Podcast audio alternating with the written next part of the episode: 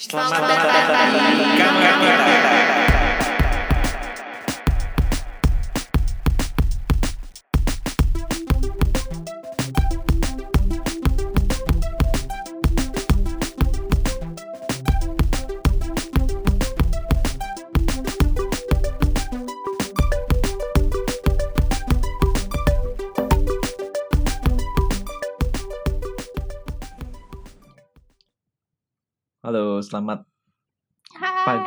Siang, sore, dan malam, kapan pun kalian mendengarkannya. Kembali lagi bersama eh, mikir lupa identitas saya Ano dan Sasa di kamar pintar gimana sa? baik enggak ya bukan Padahal nanya bukan kabar nanya ya kabar. Katanya nggak Kenyang, suka ditanya kabar. habis makan hungry B bintang I. Biar nggak sebut merek. Oke oke. Ano? Baik. Ano percaya sama Cinta. hantu? Pernikahan. ih! Kan kenceng banget. Yang pakai headset shock nggak nggak nggak Ano percaya sama hantu nggak Enggak. oh iya Iya, oke salah ya. Seharusnya aku juga Nggak, percaya. jadi Ano nggak pernah merasakan sesuatu Kehadiran Iya. makhluk halus kayaknya enggak deh. Oh, Apa karena aku nggak percaya? Jadi kayak aku mungkin pernah terjadi Melupakan. sesuatu, tapi kayak mungkin aku menganggapnya itu fenomena alam, hmm, iya iya iya iya iya. kayak selalu mengaitkan dengan science. Uh-uh. Hmm. Oke.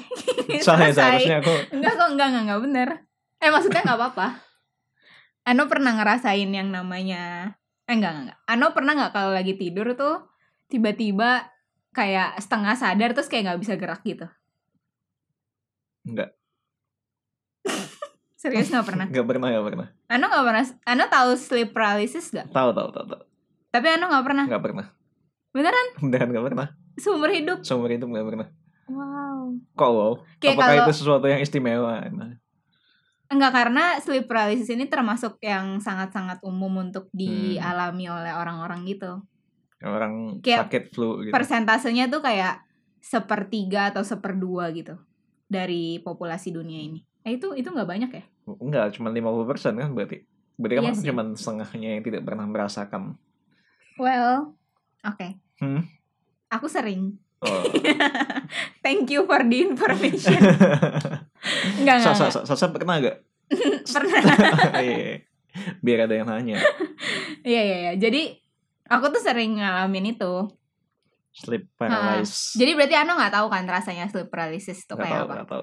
Jadi itu tuh kayak rasanya kayak kita tuh udah tidur, Mm-mm. terus tapi kita tuh kayak ngerasa kebangun gitu Hmm. tapi tuh kita nggak bisa gerak benar-benar kayak badannya tuh nggak bisa gerak sama sekali tapi kita sadar gitu Hmm. kayak kita bisa lihat kayak kita bisa tahu sekeliling kita Iya. tapi tuh badan kita benar-benar nggak bisa gerak nah terus kalau aku ini akan biasanya tuh beda-beda sih tiap orang yang dialami itu apa tapi kalau aku tuh kalau lagi sleep paralysis tuh aku kayak nggak bisa nafas gitu kayak sesek nafas pokoknya kayak pokoknya kayak Hmm. kayak kayak susah banget nafas Kayak berat gitu ya, kayak kayak ketimpa gitu iya iya rasanya. iya nah terus Kenapa Sasa senyum? Kenapa Sasa? No, kayak ada bayang itu poninya Sasa kali Sasa lihat. tadi kayak ada bunga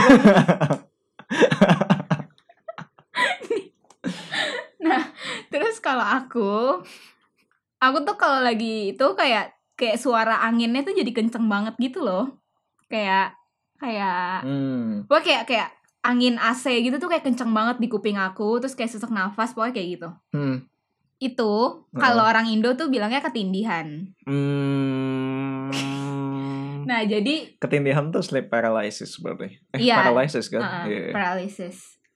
Nah, kalau di Indo tuh disebutnya ketindihan karena tuh sebenarnya banyak banget kayak kepercayaan-kepercayaan di balik sleep paralysis ini. Mm-mm. Kayak banyak banget yang mengartikan ini tuh dan mengaitkannya tuh ke Supernatural. ya superstitious gitu kayak ada hantu lah, terus Hmm. ketindihan lah, gitu-gitu. Nah, sebelum masuk ke sainsnya aku kayak pengen cerita dulu sih kayak kenapa orang tuh bisa merasakan eh orang tuh bisa mikir kalau ini tuh berkaitan dengan supernatural. Hmm.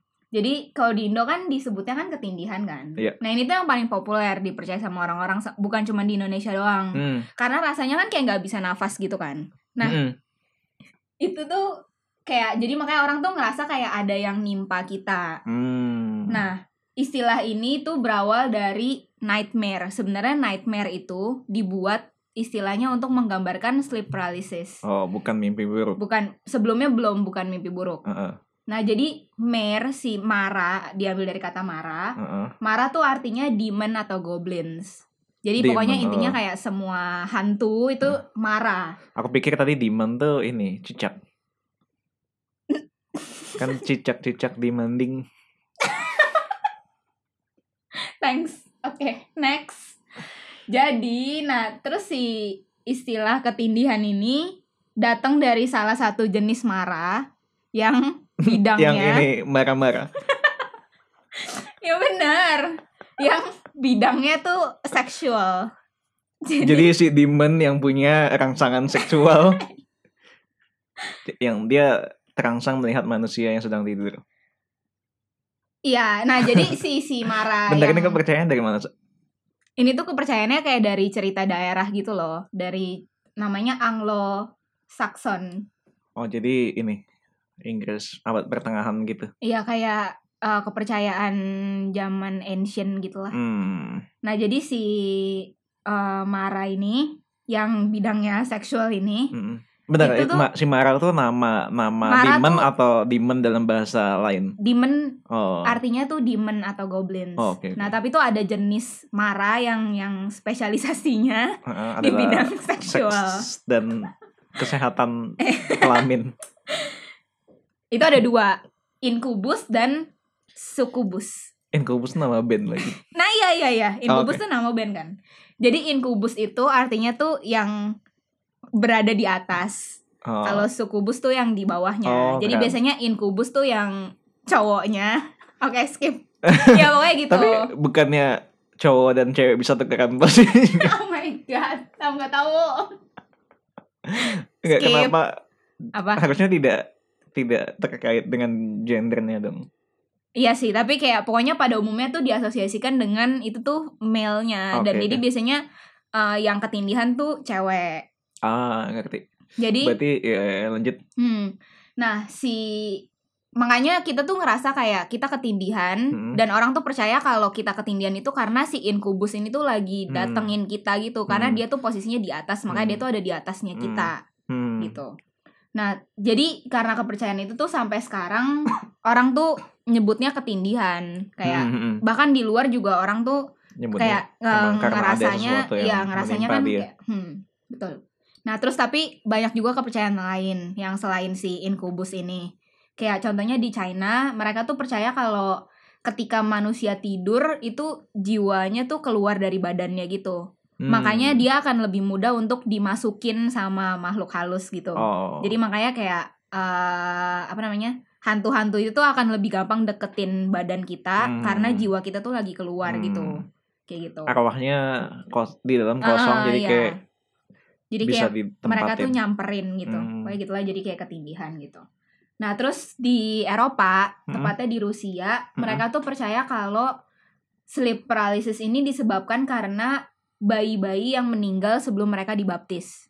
Jadi bayi-bayi ini tuh akan kembali menghantui orang-orang terus kayak cekek mereka gitu. Jadi Hmm. makanya kita kayak nggak bisa nafas gitu loh. Hmm. itu tuh mereka tuh percaya kalau itu disebabkan oleh bayi-bayi ini yang belum dibaptis ini. Hmm. makanya mungkin kayak di Eh, bayi-bayi yang sudah mening eh bayi-bayi yang, Yang- meninggal sebelum dibaptis. Iya, ha, jadi kayaknya aku juga pernah denger sih temen ini ini not based on scientific resource ya. Kayak biasanya kalau sebelum eh kalau orang yang udah meninggal tapi belum dibaptis tuh akan dibaptis dulu gitu Oh, kayak sebelum dia kepercayaannya dikubur. Heeh. Hmm.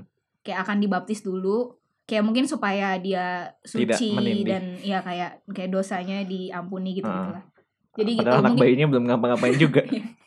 makanya mungkin kayak orang akan ngebaptis karena supaya si bayi-bayi ini nggak nggak sleep paralysisin Hmm. orang gitu mungkin ya gitu nah terus eh, ada juga kepercayaan yang percaya kalau ini tuh disebabkan karena alien abduct- abduction jadi Hmm. diculik oleh alien karena katanya kalau kita diculik sama alien tuh badan kita akan dilumpuhin, Hmm. terus kita diculik, Hmm. abis itu memori kita dihapus selama diculik itu dan Hmm. kita dibalikin lagi ke tempat tidur kita. Hmm. Makanya kita kayak ngerasa kita nggak bisa gerak gitu loh, karena itu tuh dilumpuhin sama alien. Ada yang percaya kayak gitu juga. Tapi Pokoknya kan kita bisa ngelihat sekeliling kita. Kan kita masih sadar kan. Tapi Nah, kita iya. Jadi mereka tuh percaya kalau kita tuh dilumpuhin dulu, terus eh, abis itu kita lupa gitu loh. Jadi kayak setelah pas aliennya nyulik tuh kita nggak inget gitu. hmm. Kayak gitulah makanya kita ngerasanya kayak kita cuman cuman kebangun doang nggak bisa gerak, abis Hmm. itu tiba-tiba bisa gerak lagi gitu. Hmm. Itu karena di tengah-tengah itu tuh sebenarnya kayak ada memori yang hilang gitu Hmm. pokoknya kayak banyak lah kepercayaan-kepercayaan tentang Konspirasi. ini ya nah terus di Indo juga katanya kalau supaya nggak ketindihan itu kita tidur jangan ngadep ke cermin Hmm. pokoknya aku nggak tahu sih alasannya apa tapi itu entah kenapa aku lumayan Percaya. percaya karena Hmm. aku tuh sering ketindihan kan jadi aku takut kan makanya aku tiap kali tidur tuh selalu semua cermin di Kamar. di kamar aku itu aku tutupin dulu pakai kain gitu. Soalnya aku takut ketindihan. Kayak gitu. Hmm. Aku dulu waktu tinggal di kosan sebelum eh pas kosan aku masih kuliah itu tuh hadapan bukan hadapan sih jadi kayak sampingan sama lemari. Jadi kayak kasur meja terus lemari. Mm-mm. itu samping-sampingan gitu. Nah jadi kan kalau lemarinya dibuka Mm-mm. Itu ada cerminnya. ada cerminnya kan. Nah pintunya tuh menghadap ke arah kasur. Oh iya iya dan aku iya. sering banget nggak nutup lemari.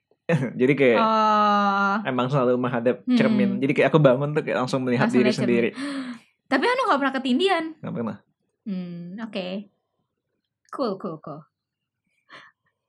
Oke nah tapi kayak segala fenomena yang terjadi tuh pasti ada scientific explanationnya gitu loh kayak itu dia. Ya kan kalau kata Grady itu dia Nah, sleep paralysis ini tuh juga ada, pastilah. Kayak pasti banyak banget yang meneliti. Hmm. Nah, biar lebih gampang dipahamin, mungkin aku akan mulai dari penjelasan tentang siklus tidur manusia dulu kali ya. Hmm. Kayak yang normalnya tuh manusia kalau tidur tuh kayak gimana. Hmm. Nah, merem kan thanks. Nah, jadi background dari hal-hal yang aku bakal bahas ini tuh mengacu dari penelitiannya Profesor Christopher French, seorang psikolog di University of London. so the one told you life was kan French ini tuh French. oh French Ya. French Fra Perancis Iya. Ah. pokoknya I love profesor inilah soalnya aku suka sama semua orang yang psikolog. Oh. Aku ngefans sama semua yang di bidang psikologi. Oke anyway. Jadi ketika kita tidur itu kita tuh pasti akan melalui dua tahapan besar. Jadi mungkin banyak yang udah familiar sama istilah REM REM yang rapid rapid. Rapid eye movement. Oh iya tahu. Dan non REM. Hmm. Biar gampang aku sebutnya REM, REM. Nah, jadi ketika kita tidur tuh yang duluan dialami adalah si yang non rapid eye movement, yang Waktu non REM. kita tidur Iya, waktu ini ini tuh stage ketika kita Oh. tidur gitu loh. Jadi Yeah. non REM dulu, Hmm. habis itu baru masuk ke REM. Hmm. Nah, di non REM ini Hmm. dibagi lagi jadi beberapa tahapan. Tahapan pertama tuh waktu kita kayak masih eh, setengah sadar tapi udah ngantuk gitu loh. Kayak Hmm. kita udah mulai hampir ketiduran tapi Hmm. belum benar-benar ketiduran kayak masih kayak setengah sadar gitu kayak masih teler-teler gitulah. Iya, iya, iya. Nah, terus tahapan selanjutnya baru kita lebih dalam lagi. Jadi kita tidur tapi masih light gitu, kayak belum belum Hmm. sampai ketiduran banget. Kayak kalau orang Indo tuh sebutnya tidur ayem. Anda tau gak sih? enggak ayam mah temannya rasa kayak kalau kalau kita tidur siang gitu kan kayak tidurnya nggak nggak beneran ketiduran kan? Hmm. atau kayak ketiduran Nap di gitu ya? kelas gitu. Oh. Iya. aku tidur di kelas. nggak pernah ketiduran di kelas anak Pernah. baik. Oke. Terus kayak nggak dibangunin juga sih sama gurunya. Terus kayak pas bangun tuh ternyata dia udah selesai ngasih materi. Hmm. tapi dia tahu kalau aku tidur. Soalnya aku kan selalu duduk paling depan entah kenapa. Terus udah kayak hmm, ntar tanya temennya ya. Tugasnya apa baik banget Nah ya, jadi pokoknya biasanya kalau kayak masih tidur setengah-setengah kayak tidur ayem itu tuh tahap kedua. Nah terus di sini tuh eh, jantung sama pernafasan kita tuh mulai rileks, terus Hmm. suhu tubuhnya mulai turun. Pokoknya ini tuh kayak kita udah udah Hmm. lebih santai gitu. Nah terus abis itu eh, tidurnya makin dalam lagi. Tahap terakhir tuh deep sleep. Jadi ini tuh tahap terakhir sebelum masuk ke tahap rapid eye movement. Hmm. Jadi kita udah benar-benar ketiduran banget, udah nggak sadar, Hmm. baru akhirnya masuk ke rapid eye movement.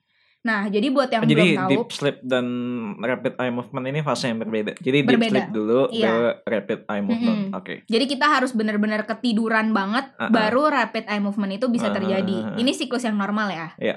Nah, buat yang belum tahu, rapid eye movement itu keadaan yang menyebabkan kita tuh mimpi. Jadi rapid eye movement. Heeh, Ah. Jadi itu tuh disebut rapid eye movement karena mata kita tuh geraknya tuh cepet gitu loh. Hmm. Dan di sini tuh mimpi kita akan melibatkan emosi. Jadi otak kita tuh udah bener-bener di dunia mimpi lah pokoknya Iya, kayak iya, udah iya, halusinate jadi udah melibatkan emosi. Ah. Sedangkan kalau di tahap sebelumnya yang tidur ayem tadi itu tuh bisa aja mimpi. Oh. Tapi mimpinya tuh cuman kayak biasa aja kayak Hmm, kita, kita, masih tahu tahu kalau itu mimpi. Iya, Hmm. kita tahu kalau itu mimpi. Tapi kalau di rapid eye movement ini, mimpi kita tuh udah benar-benar kayak emosional gitu loh. Jadi kayak yang mimpinya serem, terus yang kayak mimpi terus bangun-bangun nangis kayak gitu misalkan.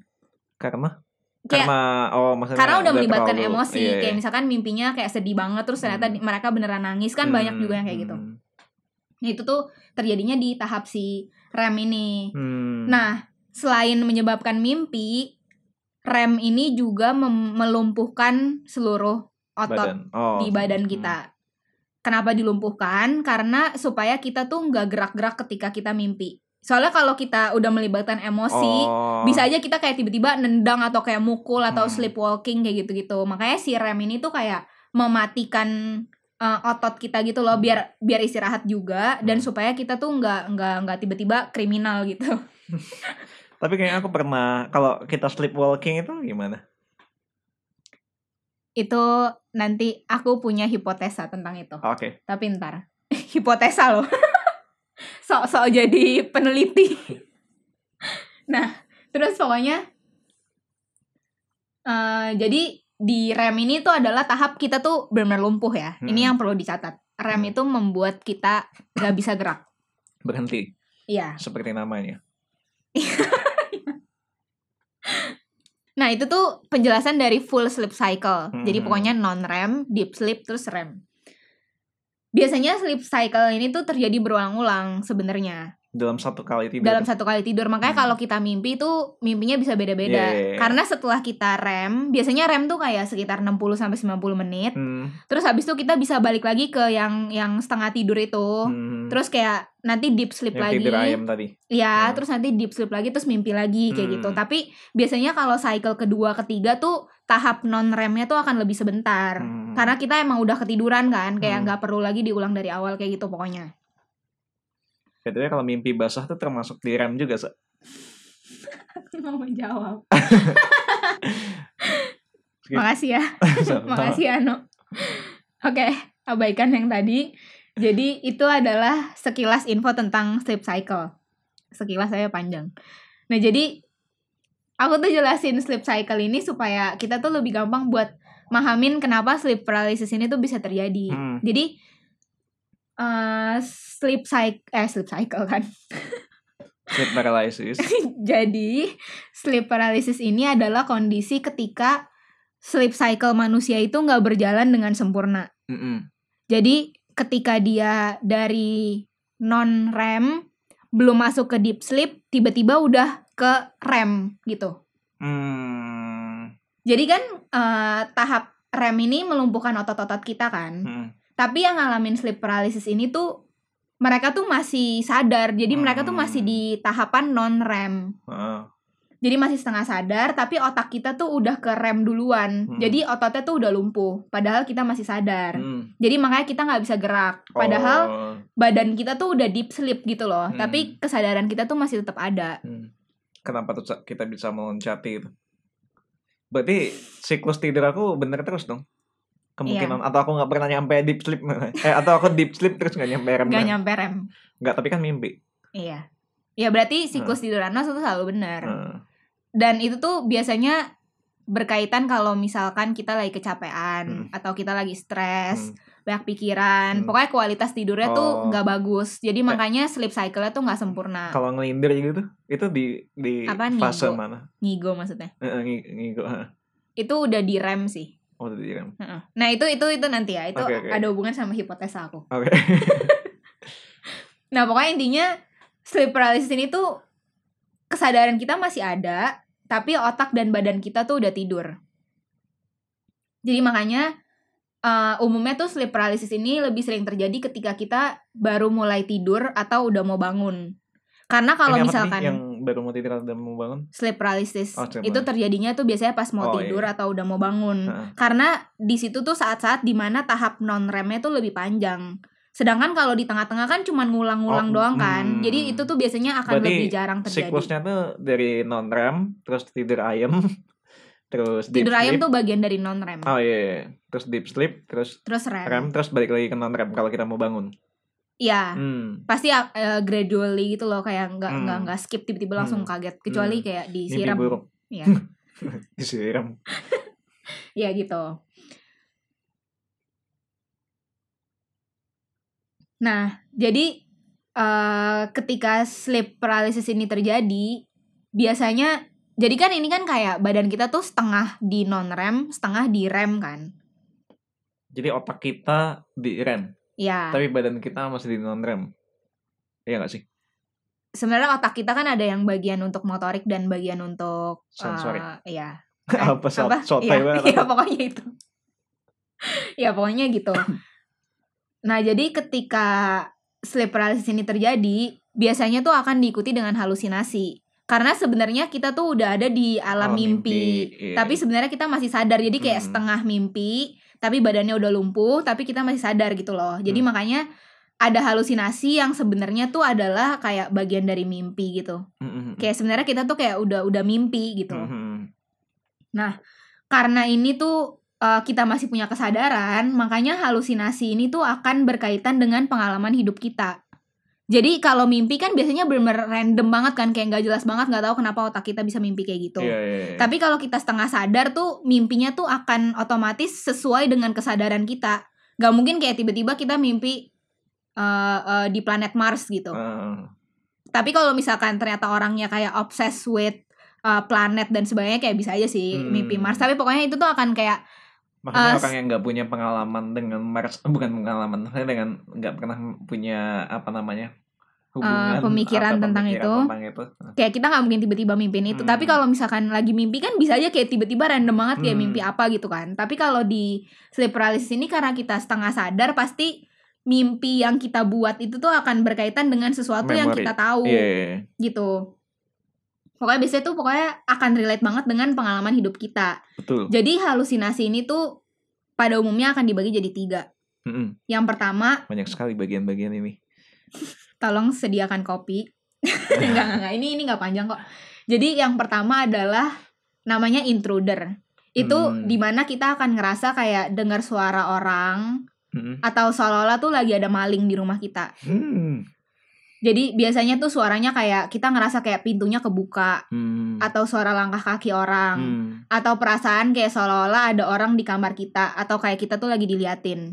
Wow. Nah ini tuh aku sering banget dengar cerita teman-teman aku kayak ngerasa kayak sleep paralysis misalnya kayak baru pindah kosan terus di kosan barunya sleep paralysis terus dia ngerasa kayak ada yang liatin dia kayak gitu-gitu. Oh, seram sekali, Bung. Nah sebenarnya secara saintifik Hmm. ini tuh biasanya dialami oleh orang-orang yang anxious tentang safety di rumahnya. Hmm. Misalkan dia kayak emang udah selalu concern kayak takut ada maling Hmm. atau misalkan takut ada stalker kayak Iya, gitu-gitu, iya, jenis sleep paralysisnya biasanya tuh akan lebih ke tipe halusinasi yang Hmm. ini.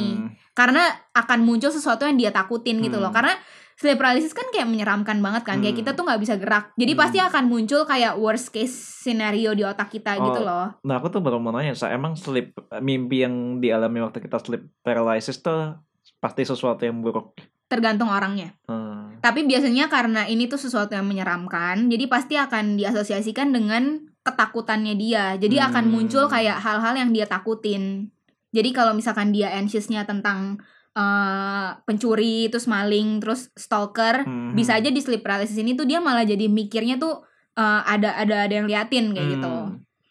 itu tahap yang eh tahap itu jenis yang pertama Mhm. nah jenis yang kedua itu yang sangat umum dirasakan dan ini yang aku rasain juga itu tuh rasanya kayak nggak bisa nafas kayak ditindihin Hmm. ini tuh jenisnya namanya inkubus Hmm. karena si inkubus ini yang Hmm. menyebabkan gitu jadi kayak kayak sesak nafas pokoknya nggak bisa nafas Hmm. saintifiknya Hmm. karena rem ini kan melumpuhkan otot kita Hmm. salah satu otot yang dilumpuhkan itu juga yang di leher dan di dada Oh. jadi makanya kita tuh kayak nggak bisa nafas sesuai dengan yang kita mau Eh. dia akan nafas karena begitu kita masuk ke tahap rem badan Hmm. kita kan sebenarnya relax Iya, Nah, jadi nafas kita juga tuh sebenarnya- intensitasnya menurun. Iya, sebenarnya makin lambat. Jadi makanya ketika kita sleep paralysis, kita kan kayak setengah sadar. Jadi nafas kita tuh pasti lebih cepat daripada orang yang tidur kan.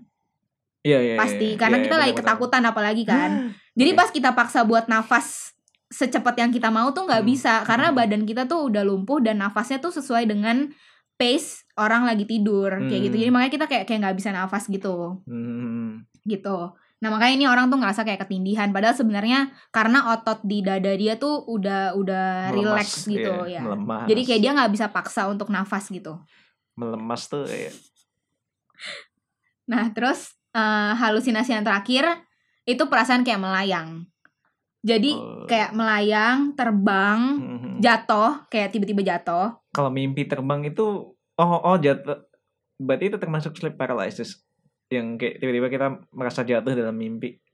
Hmm, hampir. Oh. Tapi itu bukan sleep paralysis yang sempurna kayak kalau Oh, yang aduh. sempurna kan yang kayak gini kan, yang kayak bener-bener kayak nggak bisa gerak gitu kan. Tapi kalau jatuh tuh kayak kayak cuman kayak kayak jolt gitu loh kayak jantung kita tuh kayak kaget gitu doang kayak kita Oh. ngerasa kayak jatuh. Tapi kalau di sini tuh eh, durasinya tuh akan lebih lama. Kayak kita ngerasa kayak kayak falling down gitu kayak kayak jatuh Hmm. gitu. Biasanya tuh sleep paralysis tuh kayak jangka waktunya sekitar beberapa detik sampai ada yang sampai 10 menit. capek juga Gitu. 10 menit. Nah, jadi eh, yang jatuh ini biasanya tuh dipercayai oleh orang-orang yang percaya soal UFO itu. Oh, Karena karena, dia diculik. Diculik kan dia kayak melayang gitu kan. Ah. Jadi dia tuh merasa karena dia melayang tuh dia lagi diculik sama alien kayak gitu. Iya, Makanya iya. orang tuh akan mengasosiasikan kayak ini dia lagi di ditarik sama UFO gitu. Makanya dia kayak Hmm. ngerasa kayak dia melayang. Nah, sebenarnya kalau saintifiknya lagi, itu tuh karena ketika kita tidur tuh sense di badan kita tuh juga juga dilemaskan, dirilekskan. Jadi kita tuh kayak ngerasa kita nggak bisa Badan ngerasain ranjang. gitu. Oh, iya. Kayak soalnya indera perasa kita tuh kayak kayak Mati. lagi beristirahat gitu Hmm. loh. Jadi kita tuh kayak nggak bisa ngerasain tempat kita tidur. Iya, Makanya iya. kita ngerasain tuh kita kayak lagi melayang. Karena kita nggak nggak ngerasain ranjang kita gitu. Kayak kita tuh Hmm. kayak kayak pokoknya gitulah. Hmm. Kayak kayak kalau lagi kesemutan gitu kayak kita kan kayak nampak gitu. Mm-mm. Tidurnya nggak nampak. Mm-mm, karena indera perasa kita tuh udah beristirahat sebenarnya. Jadi makanya kita ngerasanya kayak melayang gitu. Itu penjelasan si scientific-scientificnya dari tiga jenis halusinasi itu. Oke. Nah, terus ini hipotesa aku ya. Jadi tolong dokter-dokter Soal apa ya tadi? yang gerak eh, yang sleepwalking. Oh iya. iya. Jadi sebenarnya Ano tahu nggak kalau intensitas gerakan kita pas tidur itu dipengaruhi oleh faktor genetik. Hmm, nggak tahu. Jadi eh kalau misalkan Ano tidurnya suka nendang, Hah? bisa aja nanti Ano punya anak, anaknya juga kayak gitu. Karena itu tuh Hmm. kayak tendensi untuk bergerak ketika tidur tuh ada di DNA. Jadi kalau kalian tahu kayak sekarang kan banyak company yang bisa analisa DNA gitu kan. Iya iya. iya. Yang dia tuh kayak ngambil DNA kita, terus dia bisa ngasih tahu ancestor kita tuh berapa persen dari daerah mana, berapa persen dari Hmm. negara mana kayak gitu. Dia kayak bisa analisa gitu Mhm. si company ini juga ternyata bisa menganalisa tendensi kita bergerak ketika kita tidur. Hmm. Jadi ada ada persentasenya kayak Hmm. berapa persen more likely to Hmm. move during sleep gitu. Itu tuh ada Ini dari analisa yang ego juga kan? Ya, ya. Heeh. Nah, jadi eh, karena itu ada di DNA, jadi itu kayak faktor keturunan. Pokoknya eh, emang ada orang-orang yang punya tendensi lebih tinggi untuk sleepwalking, untuk ngigo dibanding orang lain. Hmm. Kayak kalau aku tuh kalau tidur tuh termasuk yang diem. Kayak Mhm. aku jarang banget gerak terus pokoknya kayak mau tidur sesempit apa pun tuh aku jarang banget ngedorong orang lain gitu loh tapi kayak kan ada orang-orang yang kayak kalau tidur Kalau tidur tuh bisa tiba-tiba tangannya ke mana, kakinya Iya, ke mana iya, kayak iya. gitu kan. Nah, jadi kalau sleep paralysis kan terjadi ketika otak kita tuh ngelumpuhin badan kita kan supaya nggak gerak-gerak. Mm, Nah, tapi untuk orang-orang yang intensitas gerakannya lebih tinggi, mm. berarti mungkin ketika mereka masuk ke stage REM ini badannya tuh nggak selumpuh orang-orang lain yang tidurnya lebih diem. Hmm, Make sense gak? belum dapat. Jadi kalau misalkan kayak aku nih, Heeh, pas aku tidur heeh, dan aku masuk ke REM, heeh. mungkin otak aku tuh akan membuat badan aku lebih lumpuh daripada Ano yang suka Oh. nendang gitu. kayak gitu. Aku nggak suka nendang. Jadi kayak bisa aja pas Ano masuk ke tahap REM, tingkat kelumpuhannya tuh nggak separah orang-orang yang tidurnya diem Hmm. gitu. Tapi berarti termasuk sleep paralysis juga. Bukan, sih? bukan, Oh, bukan. Itu tuh cuman cuman jenis eh, DNA orang aja, genetik Oh. orang ada Eh, yang maksudnya yang kita ngigo atau kita itu Bukan, bukan, bukan. termasuk sleep paralysis. Bukan. Oke, oke. Nah, jadi hipotesa aku adalah. Mungkin orang yang tendensi bergerak ketika tidurnya lebih tinggi itu Heeh. akan lebih gampang untuk terbebas dari sleep paralysis atau bahkan nggak pernah ngerasain sleep paralysis sama sekali. Hmm. Karena sleep paralysis itu kan disebabkan oleh badan yang lumpuh tapi kesadarannya tetap ada. Tapi kalau misalkan orang yang gampang untuk gerak ketika tidur, Iya, iya, iya. mungkin dia akan gampang juga buat kalau lagi sleep paralysis tuh maksa untuk gerak gitu loh. Oh. Karena Kayak kayak misalnya gatel gitu. Harus gatel gitu kan. Iya kayak dia akan lebih gampang karena mungkin otak dia tuh melumpuhkannya Hmm. nggak nggak separah orang-orang yang kalau Hmm. tidur tuh diem. Hmm. Pernah gatel gitu gak pas sleep paralysis? Udah nggak inget saking seremnya. Nah gitu. Jadi aku nggak tahu sih. Ini hipotesa doang ya. Kayak aku nggak menemukan riset yang ngebahas soal ini. Tapi kalau aku kan termasuk yang diem banget. Hmm. Dan aku tuh sering sleep paralysis. Hmm. Nah kalau Ano kan gerak kalau tidur. Eh enggak enggak bukan bukan. Ano kan nggak pernah sleep paralysis kan. Heeh. Jadi mungkin Ano tuh lebih sering gerak pas tidur. Gitu. Tapi aku jarang banget sih gerak. Maksudnya, Masa sih? heeh. aku tuh tidur dan bangunnya tuh di posisi yang sama gak tahu tapi kalau pas tengah-tengah itu ini. Tengah-tengahnya jungkir balik. Tapi dulu aku pernah kayak eh, waktu masih tinggal sama orang tuaku, jadi aku kayak sore-sore tuh ke kamar mamaku gitu kan. Terus kayak Mm-mm. ngobrol. Terus kayak aku nyadar, Ma ini kenapa guling aku ada di sini ya, Ma? Terus Terus kayak, ah, kan kamu pokoknya tadi pagi atau semalam gitu habis habis ke sini gitu terus kayak aku tidak merasa. jadi ada sleepwalking. Iya, aku sleepwalking tapi aku balik lagi Oh my ke kamar God. aku. Tapi nggak bawa guling. Hmm. Ya ya ya ya. Bahkan yang yang heavy case of sleepwalking, Tapi kayaknya bener karena DNA deh. Kayaknya aku lupa siapa yang pernah sleepwalking juga. mm-mm, tapi itu di keluarga Ano. Keluarga aku kayaknya. Sampai Hmm. jalannya tuh kesumur seremnya. Oh my god. Iya iya iya, ya. Ada yang sleepwalking terus nyetir. Hmm. Terus ada yang heavy case of Hmm. sleepwalking, Hmm. itu tuh nembak orang. Eh, Kayak pernah ada kejadian. Bangun-bangun gak sadar udah Iya, jadian. dia Oh enggak. Oh nembak nembak. nembak Dora. iya pakai pistol. Aku pikir nembak menyatakan cinta. Jadi pokoknya dia tuh tanpa disadari, Hmm. jadi tiba-tiba pokoknya ada yang meninggal. Terus gak ada yang tahu. Hmm. Terus dia tuh merasa itu dia. Karena ya pokoknya ini ceritanya panjang lah intinya ternyata benar-benar dibuktikan kalau itu Oh. dia. Karena Tapi dia tahu, makanya dia bukan tahu sih, makanya dia kayak ngerasa apa ini aku ya gitu kayak. Sebenarnya tadi dia nggak tahu, Eh. tapi tuh dia tahu kalau di sebelah ranjang dia tuh ada pistol. Oh, jadi kayak Dan pistol itu Eh. tuh ternyata yang dipakai untuk bunuh orang ini. Hmm. Terus akhirnya karena semua orang kan nggak nggak percaya kan, gila mana ada orang yang tidur terus tiba-tiba nembak orang ya kan. Nah terus akhirnya eh dites, jadi dia tidur Hmm. sebelahnya ada pistol, tapi pistolnya nggak diisi. Terus beneran tengah malam dia bangun, Hmm. dia ambil pistolnya terus dia nembak. Hmm. Tapi karena nggak ada isinya, jadi nggak itu kayak cuma buat ngetes doang ngebuktiin beneran apa enggak itu dia. Hmm. Tapi ternyata beneran itu terjadi Hmm. terus. Hmm. Jadi kayak ya udah Hmm. dia sleepwalkingnya tuh nembak orang. Tapi mungkin kayaknya papa aku deh yang yang lumayan Sleep. gerakannya Sleepwalking. yang maksudnya punya tendensi untuk bergerak atau berbicara pada saat tidur. Hmm. Iya iya iya. Nah ya pokoknya gitulah. Jadi coba guys komen down below. Gak ada, gak ada. Gak ada nggak ada tempat komen. Ya pokoknya kalau kalian pernah atau nggak pernah sleep paralysis dan apakah itu berkaitan dengan kalian tuh tidurnya gerak apa enggak? Hmm. Soalnya aku penasaran. Hmm, mungkin Cak. bener sih masuk akal masuk akal. Begitu. Nah, tapi intinya kesimpulan dari semua ini adalah sebenarnya sleep paralysis itu harmless dan tidak menyebabkan kematian. Hmm. Jadi, Kecuali tiba-tiba beneran ada pencuri masuk rumah kita terus kita nggak bisa ngapa-ngapain. ya. Nah, jadi tuh eh, ini tuh disebabkan karena antara kita lagi stres atau kecapean banget, Hmm. jet lag atau sleeping schedule kita tuh berantakan. Jadi Hmm. intinya ketika kita capek, otak kita tuh pasti akan berjalan Berantakan. tidak sempurna Iya, iya, dan iya. kayak akan melakukan hal-hal aneh terhadap tubuh kita gitulah. Nah, tapi selain itu, Mm-mm. selain yang harmless itu, Hmm. sebenarnya sleep paralysis itu adalah side effect dari salah satu sleeping disorder namanya narkolepsi. Jadi, narkolepsi ini biasanya orang-orang tuh akan tiba-tiba ketiduran gitu. Dia tuh kayak eh, tiba-tiba ketiduran dan mereka tuh nggak bisa kontrol. Jadi bisa aja kayak lagi Bener-bener langsung Iya, benar-benar langsung gitu. langsung jatuh aja ketiduran. Kayak misalkan lagi makan tiba-tiba ketiduran. Pokoknya gitulah. Ini ini kayak rare banget sih, tapi orang yang mengidap tapi sama dengan Narkolepsi. pingsan apa beda? Maksudnya Beda. bedanya apa? dia benar-benar tidur.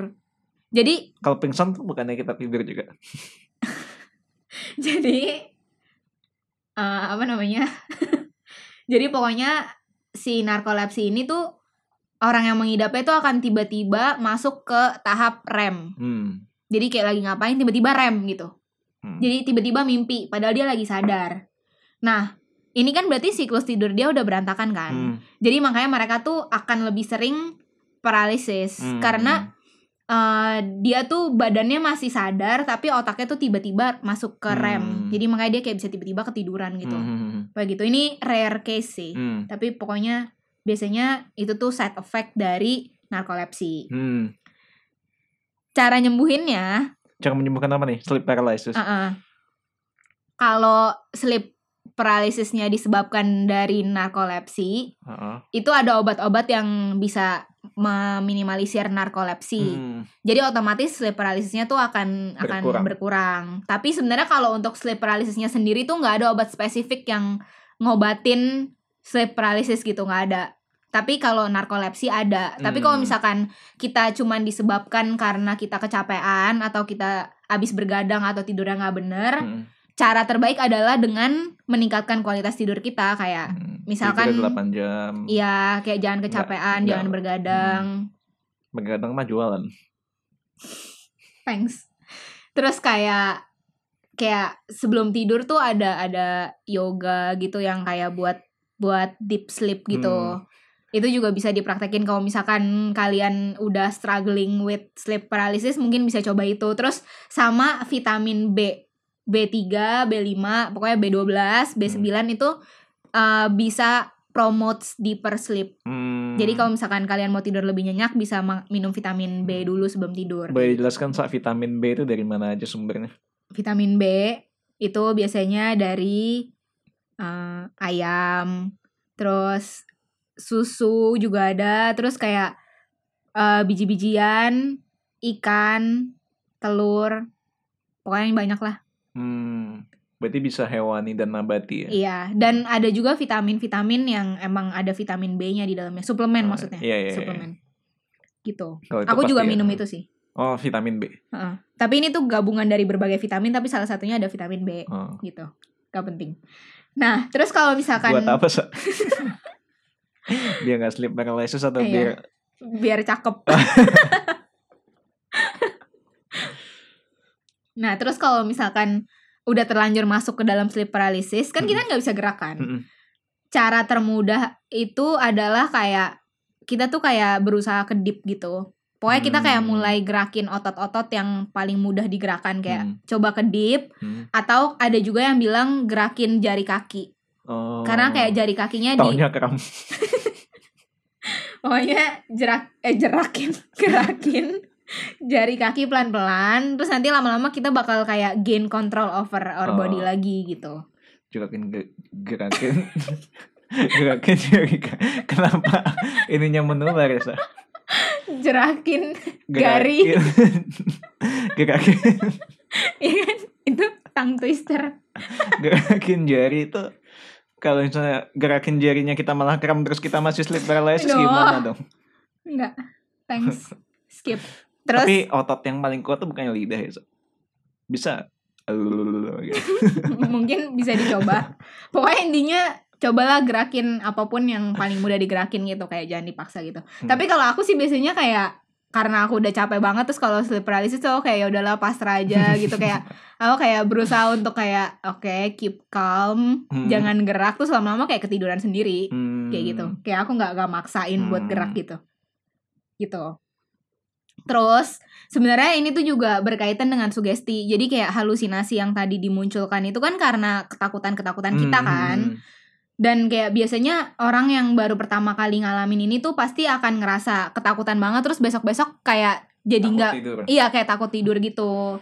Dan akhirnya makin menyebabkan sleep paralysis lagi. Kayak semakin kurang tidur Oh. semakin paralisis lagi dong. Iya, iya, iya. Nah ini juga yang dikatakan sama profesor kecintaan aku tadi, Profesor French. Dia juga bilang kalau sleep paralysis ini kan sebenarnya harmless kan, Hmm. dan gak ada dampak yang fatal. Jadi makanya kita tuh harus meningkatkan awareness kalau ini tuh wajar terjadi dan ini tuh nggak bahaya iya, gitu. Jadi kayak kalau kita tahu ini nggak bahaya, kita nggak akan takut lagi dong. Hmm. Jadi makanya nanti kualitas tidur kita tuh akan lebih baik gitu. Dan gak ada hubungannya dengan setan-setanan. Iya, begitu.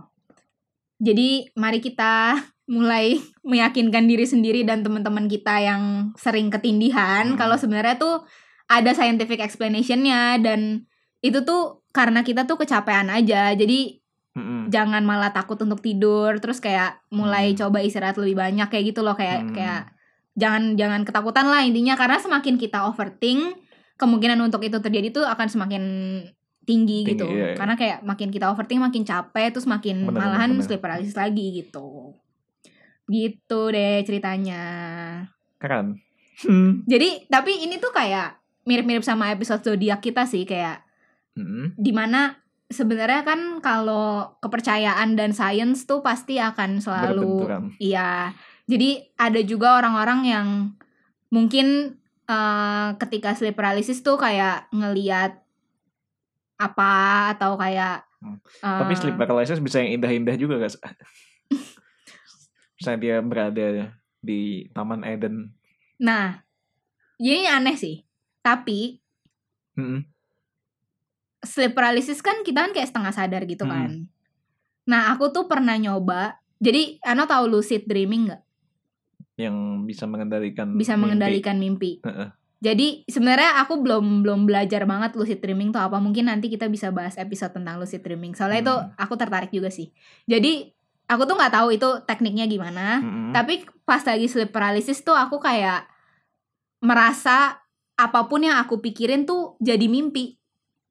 Jadi misalkan Oh. pas sleep paralysis aku kayak eh, maksa untuk mimpi aku terbang gitu Hmm. tiba-tiba aku beneran mimpi lagi terbang. Hmm. Jadi kayak aku tuh bisa kontrol mimpi aku ketika aku lagi sleep paralysis. Tapi mungkin gak sih kita mengontrol mimpi tanpa mengalami sleep paralysis gitu?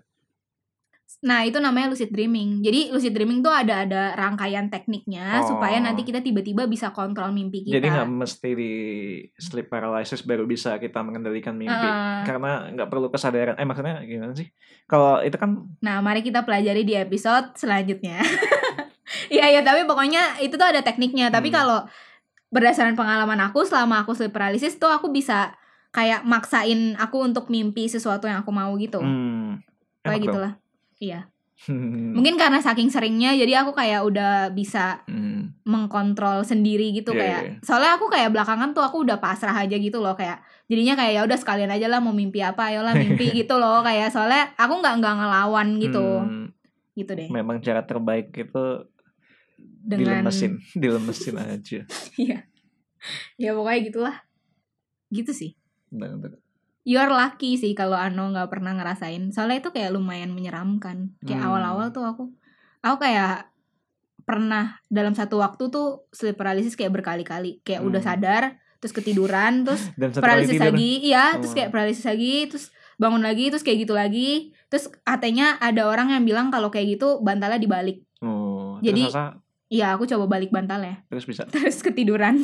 Oh, terus bisa ya pokoknya gitulah ya banyak lah kepercayaan-kepercayaan kayak makanya ini tuh kayak balik lagi kayak ada juga yang memang mempercayai kalau sleep paralysis tuh karena misalkan ada orang yang udah meninggal yang kayak nyamperin kita. Hmm. Soalnya ada juga orang-orang yang sleep paralysis tuh pas mereka melek, mereka kayak ngerasa ngelihat ngelihat orang gitu. Nah, itu juga mungkin bisa juga kalau ada yang percaya kayak gitu gitu gitulah kayak ini Hmm. balik lagi ke kepercayaan masing-masing tapi intinya kayak jangan takut aja sih kayak karena ini tuh harmless dan uh, pokoknya tenangin diri aja kalau Hmm. misalkan itu terjadi kayak jangan dilawan gitu. Nah, Ya, soalnya makin Malah dilawan yang makin bahaya panik. yang yang ini ya, yang tidurnya ngigo nembak orang gitu.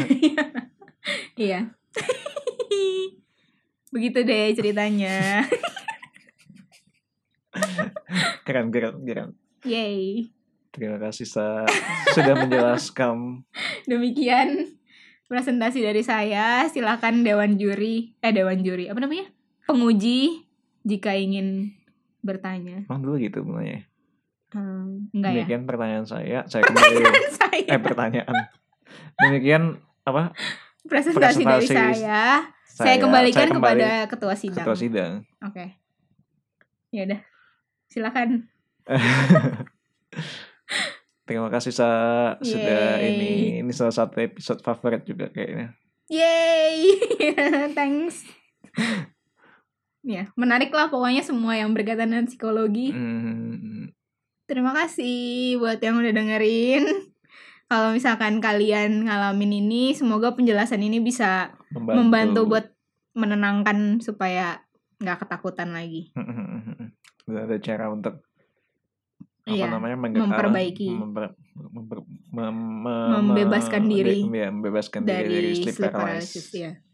Kayak coba gerakan otot yang Mm-mm. paling mudah di- untuk digerakkan. Hmm. Mm-mm. Kalau aku mikirnya lidah ya. Katanya lidah tuh paling kuat. Jadi kayak Bisa maksa gerak. hmm, mungkin atau justru karena paling kuat Hmm. jadi kayak tekanannya juga paling gede. Apalagi kan itu kayak yang tadi misalnya yang susah kesulitan Ah, bernapas kan nafas. ototnya ada juga di leher gitu Iya, kan. hmm. Jadi kayak mungkin berhubungan dengan lidah Mm-mm. jadi malah bahaya. Iya mungkin nggak tahu sih. Hmm. Tapi banyak yang nyaranin kalau jari kaki katanya yang Hmm. paling efektif buat digerakin pertama kali Nah. gitu. Hati-hati kram. Iya. Gerakin jari kaki. Mm. Thanks. Terima kasih buat Gitu kalian yang udah dengerin. Semoga Thank you, penjelasan kali ini bermanfaat. Thank you Sasa sudah riset. Terus Jangan lupa untuk cek kamar sebelah eh, ada kamar kreatif. dan ada apa namanya guest star yang aku fans berat banget. Siapa Sa? Ini udah terbit belum sih? Nggak tahu nanti setelah episode ini Harusnya pas episode ini Publish. guest itu udah muncul sih. mungkin. Jadi Iya, Atika, my love, Addictic, ikutan ada pesan sponsor ya. Silakan check out kamar kreatif guys, inspiring banget.